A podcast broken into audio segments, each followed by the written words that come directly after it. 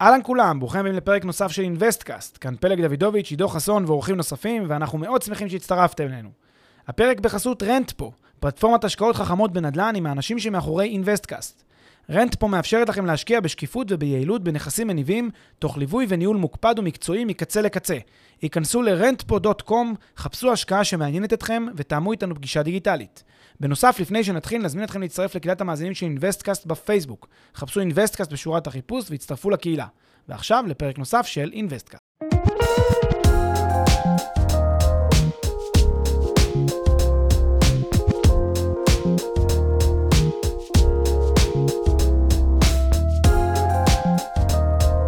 אהלן כולם, אהלן אביב. אהלן פלג, מה נשמע? מעולה, מה שלומך אתה? אני מצוין. היום נמשיך לדבר על אה, תפיסות שקשורות לעולם ההשקעות. לגמרי. סבבה, ואנחנו נבחן, נבחן uh, uh, כל מיני הצעות השקעה uh, שחלקם אנחנו תופסים כמיתוסים וכבעייתיות מאוד, לנתח אותן. לא באופן גורף כמובן, אנחנו נהיה מאוד זהירים, אבל תפיס- הצעות השקעה כאלה שאתה יודע, שאנחנו תוהים, תוהים על קנקנם. מסכים, גם איזה ביטוי זה תוהים. על קנקנם? אתה אוהב את הביטויים האלה.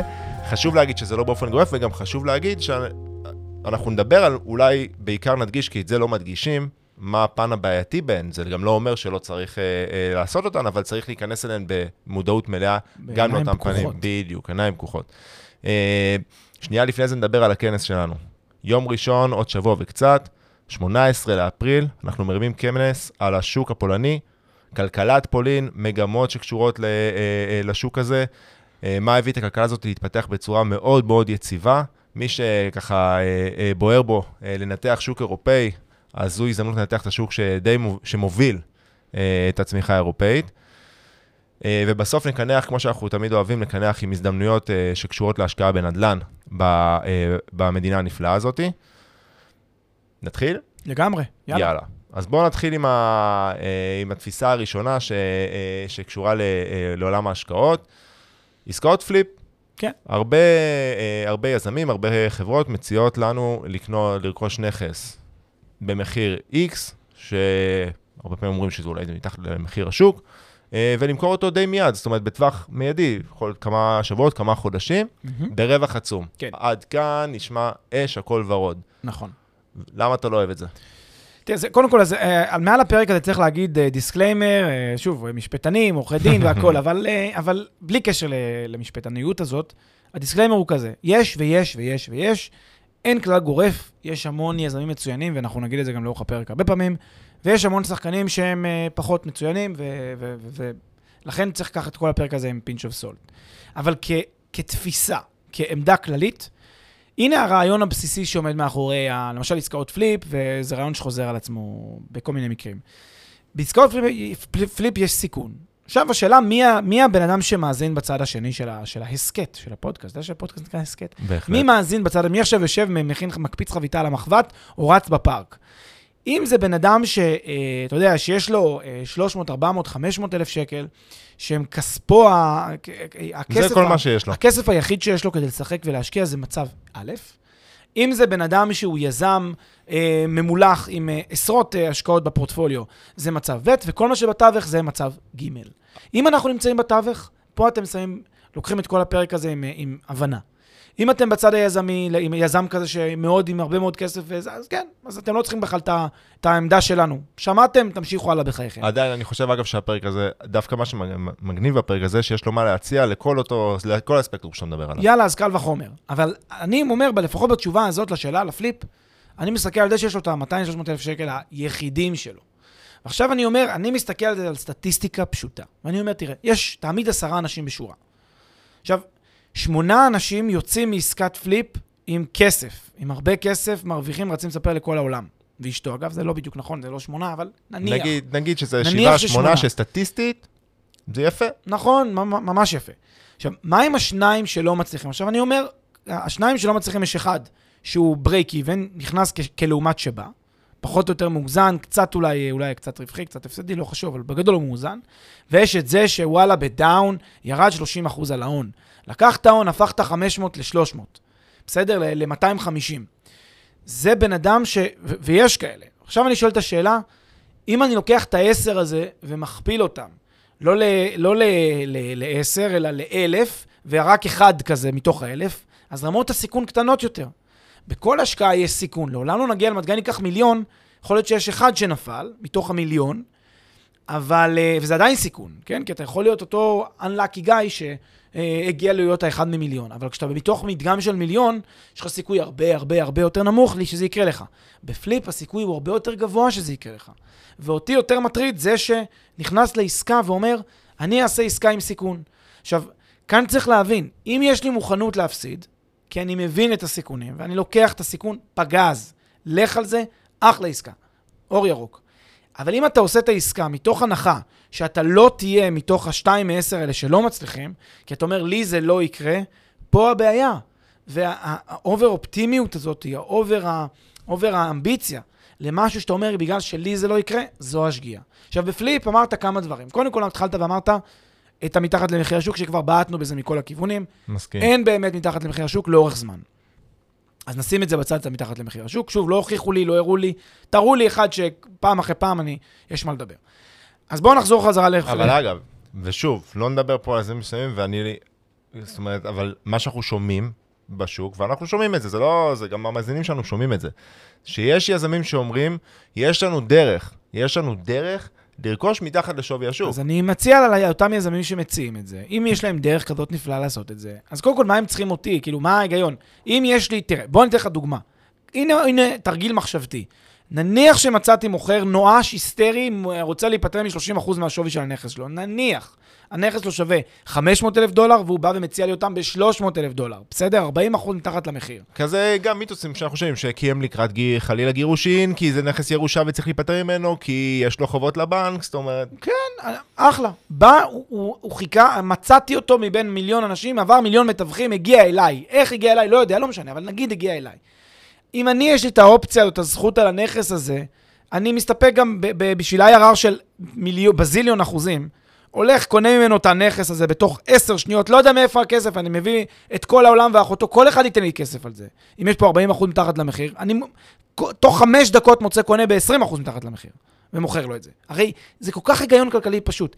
אם אתה יודע להגיע באופן סיסטמטי ושיטתי למוכרים נואשים כאלה, שאתה יודע להגיע ל-20-30% מתחת למחיר, קנה מהם, עוד לא נגמרה העסקה, עוד, עוד לא אמר רוצה אני, תמצא כבר קונה ממך, ותיתן לו גם כן איזה, איזה דלתא חיובית שיקנה ממך ברצון מתחת למחיר השוק שלו, והרווחת את אותם 10% דלתא מהשווי של הנכס בדקות. כן, אבל פלג, אתה... Uh, מי ש, מי ש, אם מישהו יודע לעשות את זה, גם האמצעים המימונים שלו מוגבלים. זאת איפה? אומרת... אבל הוא לא מוגבל, הוא לא צריך. אני מס... הנה, הנה רעיון אביב, אתה מוכר של בית, single family בארצות הברית. Mm-hmm. ואז ה single family, אני יודע שהוא עולה 150 אלף דולר, שו, שווה 150, אתה אומר לי, קח ב-120, 100, 110. ואני בטוח ב-100% שזה השווי שלו. למה? כי יש לי, אני מבין את המחירים.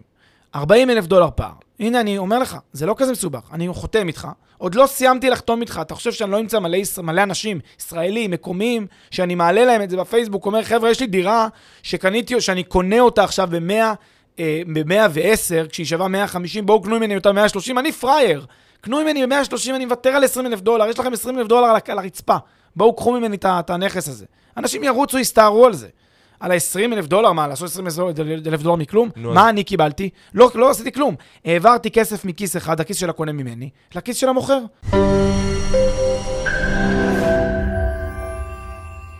לפני שנמשיך, כמה שניות מזמנכם. הפרק בחסות Rentpo, פלטפורמת השקעות חכמות בנדל"ן עם האנשים שמאחורי אינווסטקאסט. Rentpo מאפשרת לכם להשקיע בשקיפות וביעילות בנכסים מניבים, תוך ליווי וניהול מוקפד ומקצועי מקצה לקצה. היכנסו ל-rentpo.com, חפשו השקעה שמעניינת אתכם ותתאמו איתנו פגישה דיגיטלית.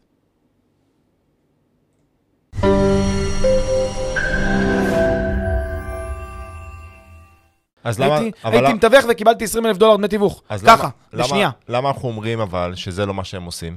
זה לא מה שהם עושים. לא, זה לא מה שהם עושים. כי מה הם עושים? בעסקאות ה flip, הם מכניסות אותי לעסקת flip. נכון. מה זה עסקת flip? עסקת flip זה עסקה של שיפוץ. כל ההיגיון פה זה שאני נכנס לנכס, קונה אותו, לכאורה מתחת למחיר, לכאורה, נכנס לתהליך של אה, ייזום, נכנס לתהליך של שיפוץ, שישה, שבעה, שמונה, תשעה חודשים אני עובד על הנכס הזה כדי להביא אותו ל-ARV שיהיה גבוה מאוד ממה שקניתי. ואני שואל את השאלה, למה? למה לעבוד מאוד מאוד מאוד מאוד קשה, כשאני יכול, עוד לא נגמרה חתימה אצל המוכר, אני כבר מוצא קונה וגוזר עמלה של 20 אלף, 30 אלף דולר רק על זה שמצאתי, רק ה finder's fee פה, 30 אלף דולר. אני משכפל את זה scale up למודל הזה, אני עושה 30 אלף דולר ב- ב- ביום. אין לזה, זה עזוב, זה, אין לזה היגיון. למודל הזה אין היגיון לעסקאות מתחת למחיר השוק. אין היגיון, אלא אם כן באמת הם לא מוצאים מתחת למחיר השוק. אלא אם כן הם באמת יודעים, באמת ובתמים, שזה לא מתחת למחיר השוק היום. זה מחיר השוק היום, רק שזה יהיה ARV גבוה יותר אחרי השיפוץ. ואז נכון, זה מודל דיבר- אחר. על זה דיברנו גם זה בפרק. הקודם. אז לכן אני אומר, בואו בוא לא נחזור חזרה לדיון של מתחת או מעל מחיר השוק, כי אני חושב שזה כבר ממוצע. מה שאני אומר זה שבמודל הזה של ה flip, כשאנחנו נכנסים לעסקה יזמית, עסקת flip, רמות הסיכונים גדולות, האנרגיה וה- והמשאבים וה- וה- והבעיות שיכולות לקרות הן גבוהות, ולכן באיזשהו מובן אני, אנחנו קצת לא אוהבים את המודל הזה כ, כמודל uh, לכל משפחה, לכל אנשים, לכל בן אדם שמחפש. אלה שיש להם את המוכנות לקחת את הסיכון, אחלה, צאו לדרך אור ירוק לגמרי. אלה שקצת יותר הססנים וקצת יותר חשוב להם העוד 200-300 אלף שקל האלה שהם שמים עכשיו בצד השני של העולם, לדעתי, כדאי לשקול זאת. כן, משהו אחד שרציתי לשאול אה, על ה, לגבי הסיכון במודל הזה, לפני שאנחנו עוברים הלאה, באמת נעזוב את הנושא של המחיר אה, שוק אה, מעל או מתחת אה, אה, בצד. לגבי הסיכון, מה אומרים אותם אנשים שמציעים את העסקה הזאת? הם אומרים, שמע, בסוף אתה קונה נדל"ן. עכשיו, הם אומרים שאתה קונה מתחת למחיר השוק, אבל אנחנו לא כל כך מאמינים בזה, זאת אומרת, ברוב המקרים סטטיסטית. הם אומרים, מקסימום, מקסימום אתה לא תוכל למכור ברווח, תחזיק את הנכס עד שהוא יהיה שווה יותר.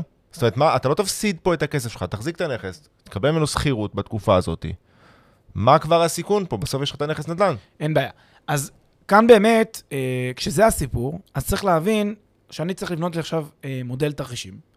תרחיש ראשון, שזה התרחיש... הס... ניתוח רגישויות. ניתוח רגישות וט- וט- וטבלת תרחישים כזאת, שבה אני בונה בעצם את התוחלת של העסקה. אם זה עסקת רנטל, אם זה המטרות שלי, עסקת רנטל עכשיו להחזיק את הנכס למספר שנים, שזה משהו שאנחנו בעד אגב. אז אני צריך להבין שהשוק הוא שוק שבאמת יש לו שוק של שוכרים, שוק שהוא שוק במקום טוב, שוק שה class של השוכרים גבוה, שוק שהוא שוק שהוא ראוי להשכרה, שוק שהוא שוק טוב, דינמי, תוסס, כל המבחנים של שוק להשכרה.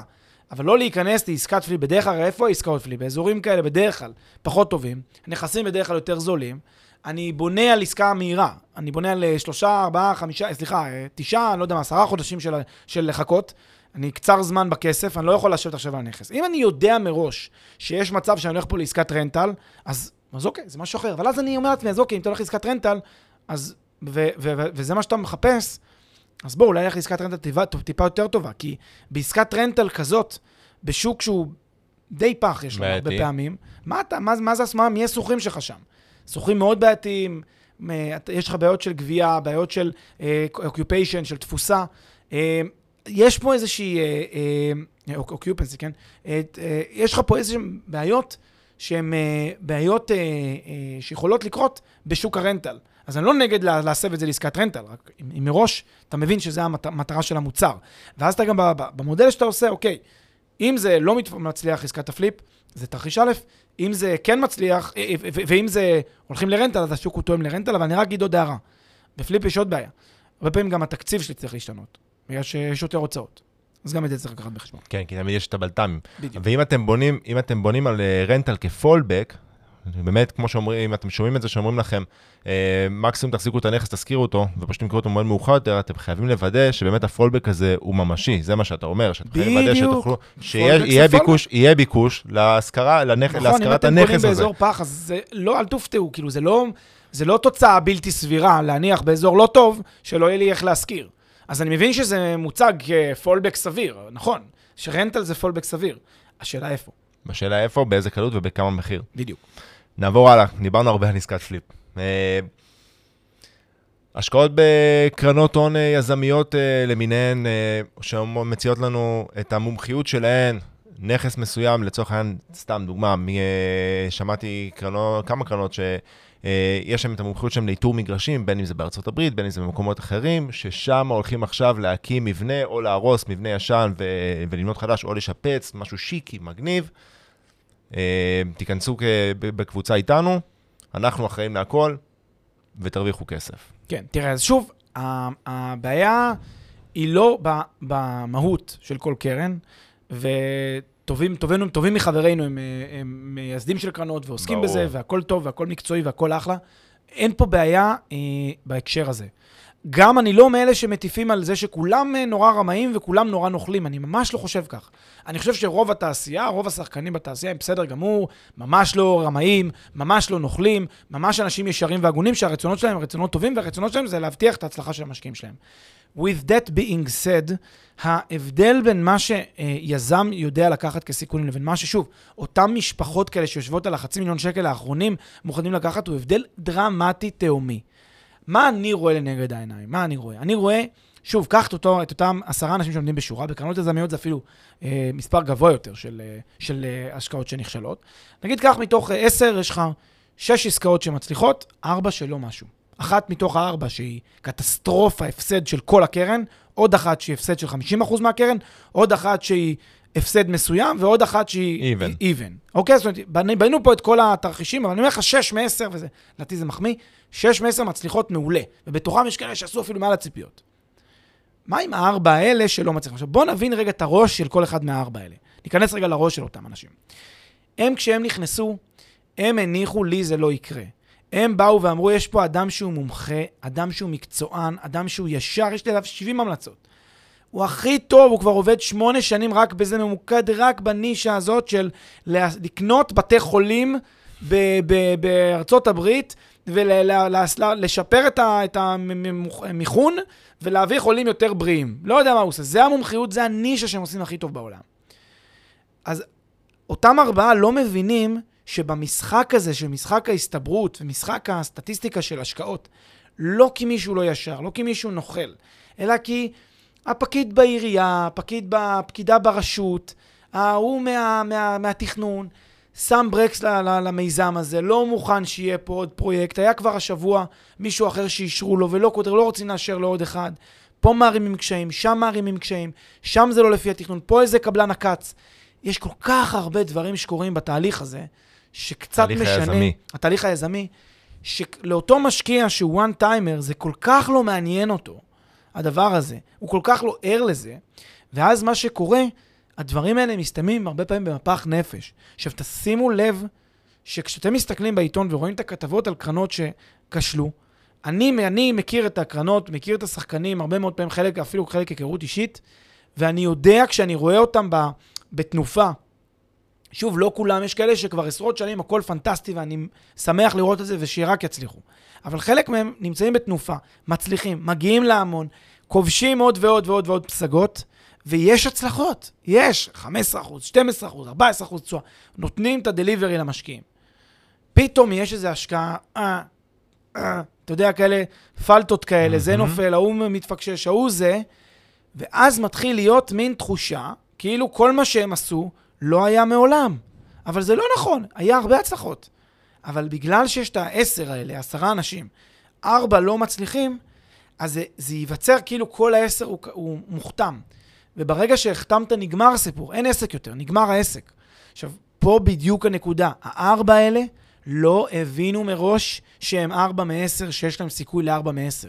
בסדר? ואם מישהו לא מאמין על ארבע, שיעשה שלוש מעשר, שתיים מעשר, אחד מעשר, לא חשוב, אני לא מתווכח עכשיו על הסטטיסטיקות. אבל כשלא מבינים מראש שיש סיכון שאני זה שיהיה זה שמפסיד את החצי מיליון שקל האחרונים שיש לי, אז זו הבעיה שבגללה אנחנו לא אוהבים את הסגמנט הזה באופן, אה, כן, כללי. לא, לא ספציפי כל עסקה. כל עסקה שכל אחד יעשה מה שהוא מוצא נכון. אבל ככותרת, פחות מתים על הסגמנט הזה, פחות אוהבים אותו, בגלל הסיכונים שיש בו, בגלל האתגרים שיש בו. האתגרים שיש בעסקאות שהן אה, שהן יזמיות. עסקאות יזמיות, נכון, עם מורכבות יזמית, עם אלמנטים של תכנון, עם אלמנטים של בנייה, עם קבלנים, עם אדריכלים, עם יועצים, עם uh, מודל עסקי שכולל 500 סעיפים, שכל סעיף, תזוזה של 4% בסעיף הזה, אתה כבר, ב, אתה כבר בדפיציט כזה, גירעון, כן. עם חוב ב- בשיעורי מינוף גבוהים מאוד. כל הדבר הזה כדי לייצר מכונה שמראה במודל 15% IRR, רבותיי, זה מאוד מאוד קשה לייצר את המכונה הזאת שהיא תעבוד. והיא תלויה בהרבה מאוד קפיצים והרבה מאוד ברגים שכולם יושבים בדיוק מקוילים לזווית שלהם. אז אמרתי 6 מ-10, אז 6 מ-10 זה יצליח כי הידי אומן בנו את המכונה. אבל ב-4 מ-10, 3 מ-10, כן, לא נתווכח על האחוזים, שזה לא יצליח כי איזה קפיץ קפץ ודפק את כל הסיסטם, חבר'ה, זה קורה, אז מראש לה, לה, לה, להסתכל על זה, לא להסתכל על, על הוורוד והאופטימי, אלא אם כן, שוב, יש לכם את היכולת לעמוד בהפסד של 300,000 שקל, 200,000 שקל, כל אחד והתחשיבים שלו. אוקיי.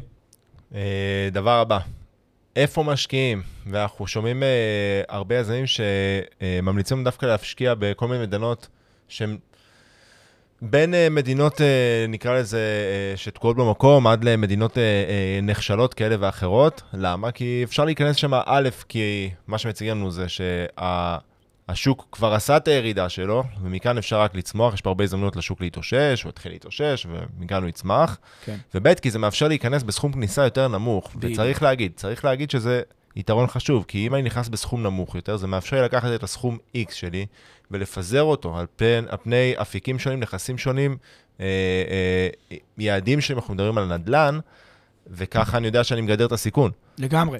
אז, אה, אז למה לא? אז הפיתוי גדול. הפיתוי גדול. אה, מדינות נחשלות ושכונות נחשלות, מבחינתי גם מדינות, גם שכונות נחשלות בערים. קחו עיר, אה, אפילו מטרו גדולה, שיש לה כמה שכונות שזה שכונות אה, קלאס אה, E, אוקיי? רמה מאוד מאוד ירודה, הכל שם שבור והרוס. אה, הפיתוי גדול, גם בגלל סכומי הכניסה, כמו שאמרת, וגם בגלל שאני מניח, מריח את העליות שיגיעו. אה, כאן אני מציע לחלק, אני, אני, שוב, שוב, שום דבר לא באופן גורף. כעיקרון, אה, שווקים שהם שווקים עם פוטנציאל, הם שווקים שאנחנו דווקא כן מחבבים. אלא מה? שלא מספיק פוטנציאל, צריך לראות עוד משהו. צריך לראות שינוי בנתונים. צריך לראות שהפוטנציאל מתחיל להתממש. עכשיו, אני לא אוהב את הסיסמה הזאת של אה, הירידות חייבות להיפסק. אני כן אוהב את, ה, את הסיסמה שכשאני מתחיל לראות עליות, אולי השוק מתעורר. זה עושה לי יותר שכל. למה? כי אם השוק מתעורר, אני רואה עליות, ואני צריך עליות על פני זמן, מגמה, שנתיים, שלוש עליות, כן? ואני רואה את המגמה הזאת קורית, אני טיפה יותר משתכנע. באמת שאני טיפה יותר משתכנע. חשוב להבין שאני צריך לראות שהמגמה הזאת קורלטיבית, כן? והיא נובעת באיזשהו מובן, לא רק קורלטיבית, מתהליכים רחבים שקורים באזור. תהליכים מקרו כאלה, אתה יודע, תהליכי שוק. רחבים. למשל, אה, כניסה של כסף, כניסה של הון, כניסה של השקעות, אה, מוסדות פיננסיים, אה, הייטק, אה, כניסה של צעירים, משפחות וכולי וכולי, הרבה מאוד דברים שאנחנו מדברים עליהם היום באינבסטקאסט, שמסביר, וגם, וגם צריך להבין, צריך לראות שזה משהו שהוא, שהוא אה, אה, איזה שהם תהליכים שהם גם פנימיים למדינה, זאת אומרת, אנחנו רואים היום מדינות, יש לצורך העניין מדינה שדיברנו עליה לפני זה, שהיא מאוד שיקית, מאוד טרנית בישראל, שבה אנחנו רואים שהחמצן המרכזי שמגיע לשוק הוא בעקבות משקיעים חיצוניים בדיוק. שמאמינים בשוק, קונים שם נכסים, וזה מעלה את והם הנכסים. מניעים את השוק. עכשיו, אי אפשר להגיד שזה, שזה, אה, שההעלאה של השוק וההעלאה של הנכסים היא מלאכותית, כי היא לא, הנכסים שווים יותר. נכון, אבל השוק המקומי, הבסיס. בסוף אין, בס... אין לו את היכולת לרכוש את הנכסים האלה. ו... ו... ב- זאת אומרת, מתישהו הרי המשקיעים האלה מתכננים להעביר את הנכסים הלאה לידי רוכשים מהשוק. אם אנחנו מדברים על נכסים נדל"ן למגורים, כן. או להשכרה או למגורים, ובגלל זה, זאת אומרת, צריך לראות שהמגמות שאתה, שאנחנו מדברים עליהן, הן מגמות ש... אה, שיש להן, שהן קשורות, הן פנימיות לאותה מדינה, והן לא באות כולן אה, אה, ממשקיעים חיצוניים. הגדרת את זה מאוד מדויק, באמת. אה, זה הנקודה כאן, אם אתה מזהה שיש תהליך שקורה במדינה הזאת שמניע אותה מבפנים, אה, ותהליך אמיתי שקורה, אה, מקרו הרבה פעמים וכולי, אז אנחנו הרבה יותר בעד אה, זיהוי הזדמנות. אבל אני רוצה כן לחזור חזרה לנקודה של למה לא בעצם כשהשוק הוא בקאנטים. אני לא מסתפק בזה ששוק הוא בקאנטים, שאני יודע לחזות בדיוק מתי השינוי יקרה, בדיוק ברגע שהוא יקרה. לא. יכול להיות שהוא יקרה השנה, יכול להיות שהוא יקרה עוד שנתיים, יכול להיות שהוא יקרה עוד חמש. אם אני בא לת- לתקופת השקעה שהיא לא 50 שנה, או 20 שנה לפחות, אז, אה, אז ורוב האנשים כאלה שבאים, אתה יודע, לחמש שנים, שש שנים, אז בוא, אני יכול להמשיך, אה, אתה יודע, ההיסטוריה מלאה באנשים שנכנסו לשוק, כשהוא המשיך לרדת וירד, והם מכרו, המשיכו בהפסד. כאילו, כולנו מכירים את זה בבורסה. אתה מגיע לאיזושהי מניה, אתה אומר, וואי, כמה היא יכולה לרדת? והיא יורדת עוד 30 אחוז. ואז אתה. אומר, טוב, מתישהו תתקן, ועוד 10 אחוז, טוב, מתישהו, ת- אה, אה, ואתה בסוף מממש אותה אחרי 40 אחוז. כי מה עשינו בזה? לא יודע. למה אבל- דומה, למה דומה הדבר, כמו שאתה אוהב לשאול, למה דומה הדבר? למה דומה הדבר? זה שאנשים אומרים שעכשיו השוק יתחיל לעלות, אני מרגיש, אני יודע שהשוק עכשיו יתחיל לעלות, כי הוא כבר לא יכול לרדת, זה בדיוק כמו שאנשים אה, מסוימים אומרים, אה, דוגלים בזה שהם יכולים להכות את שוק ההון לצורך העניין. בדיוק. וכמו ש... כמו, כמו שאנחנו מאמינים, באמונה שלמה, באמת, שאי אפשר לאורך זמן להכות את שוק ההון, בדיוק. ככה גם באופן סטטיסטי, הנבואה פה, אני לא אגיד שניתנה לשוטים, אבל אי אפשר באמת לדעת מתי השוק פתאום יעלה עכשיו. נכון, במיוחד אחרי שהוא רצף של ירידות, במיוחד אחרי שהוא נמצא בת- בתקופה שלילית, אה, והסנטימנט השלילי לא יודעים מתי הוא ייגמר. בקיצור, לכן, אה, זה- זאת הנקודה הראשונה שקשורה ל, ל, למהות של למה לא לקנות בירידה. עכשיו דיברנו על מחירי כניסה. מחירי כניסה, איך שאתה הגדרת את זה, הם יתרון בגלל הפיזור. ואני לא חולק עליך, הם יתרון בגלל הפיזור. אבל הם חיסרון בגלל הרבה סיבות אחרות. שימו לב שמחירי כניסה נמוכים, זה אומר שכל הדברים באחוזים שלי עולים יותר.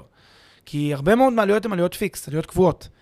אם אני עכשיו שולח, אה, אתה יודע, עושה איזשהו, אה, אה, ממלא טופס, וחותם אותו אצל נוטריון פה בארץ, הוא גובה לי סכום קבוע. חוק ה...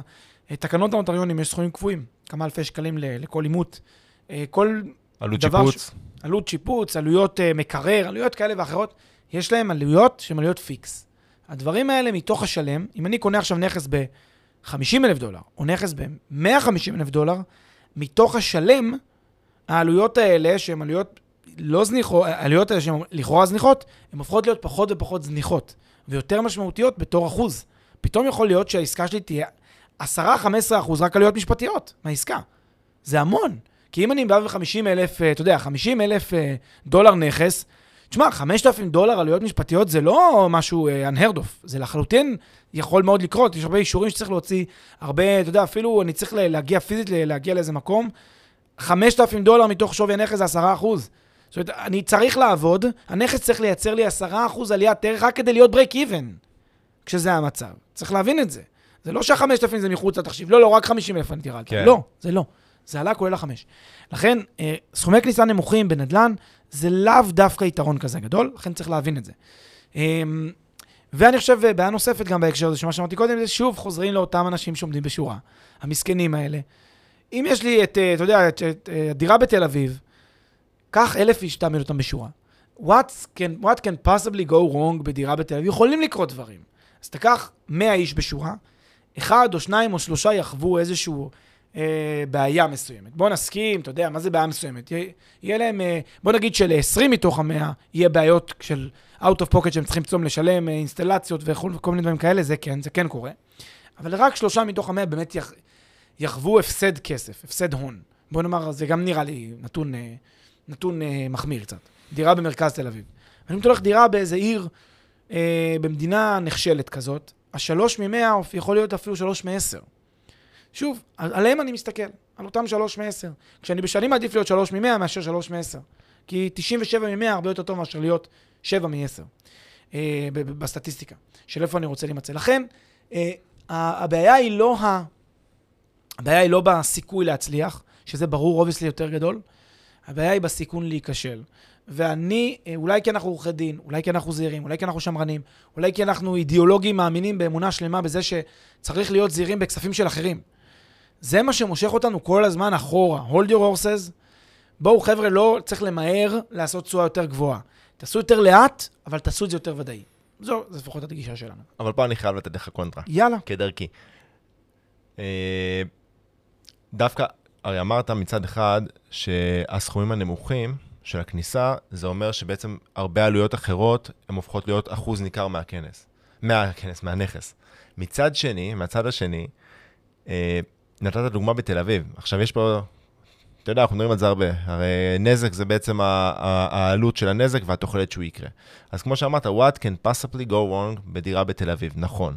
אבל כשהדירה שווה, כי אמרת תל אביב אז נלך על זה, שווה באזור השלוש, אה, שלוש וחצי מיליון, מיליון שקלים, אז כל נזק שיקרה, אם התוחלת, הסיכוי מאוד נמוך, יכול דווקא לנו להפסיד הרבה כסף. מהצד השני אתה אומר, דירה ב-50 אלף דולר, זאת אומרת, גם אם תהיה עכשיו ירידה בשוק של אה, 20 אחוז, אז הפסדתי 10,000 דולר בשנה הזאת.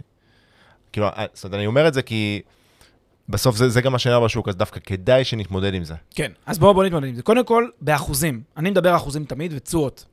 שזה חשוב. כשאתה מדבר, כשאתה מדבר בהרצלים, אז אתה לוקח את הדיון, ואתה, ל- ל- ואתה ל- צודק, לפרק שעשינו, וזה נכון. חשוב, להסתכל על זה כתמיד. ואתה מסכים. צודק לחלוטין שכשאנשים לוקחים את זה למקום של ההרצלים, הם עושים את החטא הגדול, לדעתי, לפחות בזה שהם לא מבינים את התמונה הפיננסית העמוקה. צריך להסתכל באחוזים ולא בהרצלים. למה? כי נכון שבתל אביב, אגב, לא חובת תל אביב, אפשר גם, אה, תאמין לי, בחצי מחיר, בכל, אה, בפריפריה, אפילו מחוץ לפריפריה, בישראל, what can possibly go wrong, כמעט בכל נקודה שתבחר. בהרבה ערים לפחות, כן? ואתה יכול להגיע גם ברבע מחיר מתל אביב, אה, לא מעט. אז, אז, אז גם שם יש, לכאורה את המציאות במחירים יותר זולים. אבל מה שאני רוצה להגיד לגבי האחוזים, זה כן חשוב. כי בסוף אני משקיע, יש לי סכומי כסף שאני משקיע אותם מתוך ההון שלי.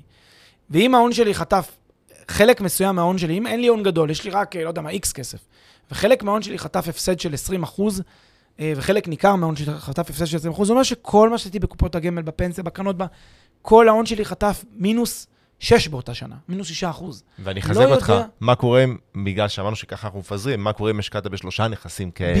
בדיוק, וקרה לי במקרה חוסר מזל ששניים לא הצליחו מתוך השלושה, אחד הצליח קצת, אבל שוב, גם ההצלחה צריך להבין, אה, זה לא שההצלחה, גם אם בהרצלים עשיתי נגיד אה, 50 אחוז אה, על, על ההון, אז עשיתי 20 אלף דולר, כן? אם השקעתי 50 אלף דולר, ועשיתי 20, אחוז- אה, 50 אחוז על ההון, אז קיבלתי 25 אלף דולר רווח. לא קיבלתי מאות אלפי דולרים. אז עוד פעם, אתה חוזר לתל אביב מול הדירה הזאת ב-50 אלף, אז גם ב upside, אם אתה משווה, אז כולה עלית 25 אלף דולר, שוב, לא עכשיו אה, עלית מיליונים פה, לא נהיית מיל, מיליונר מזה. לכן עוד פעם, הדרך הנכונה להסתכל על זה, לדעתי לפחות, שלא חוטאת לכלכלה ולפיננסים, זה דרך התשואה, דרך האחוזים. וכן להגיע למצב שבו אני שם את זה זה מול זה, ולחזור חזרה גם למה שאמרתי קודם, גם אם עלית, תראה את הדוגמה היפה הזאת, לקחת נכס שעולה 50 אלף דולר, שילמת עליו, כולל עמלות, כולל אגרות, כולל משפטיות, כולל הכל, שילמת עליו 60 אלף דולר, בסדר? מ-50 ל-60, עוד 10,000 דולר איכשהו אה, שילמת עליו, שלא, out of pocket, שלא חשבת על זה בכלל. אתה מבין ש-20% עליית מחיר של הנכס, של השוק, 20% עליית מחיר של השוק, אתה רק break even בשלב הזה? 20 אחוז. שאנשים באים ואומרים, תשמע, עשיתי אקזיט, 25-30 אחוז מעל הכסף. 20 אחוז אתה צריך עוד בשביל להחזיר את זה. אז, אז שם דווקא הסכום הקטן עומד להוכחה. אז לכן, אה, אה, אה, זה לא גורף, זה לא חד משמעי, אבל זה פשוט אה, אותם אנשים שאנחנו מסתכלים עליהם, שהם ה, הם הקהל, אני חושב שצריך אה, לפקוח את עיניו.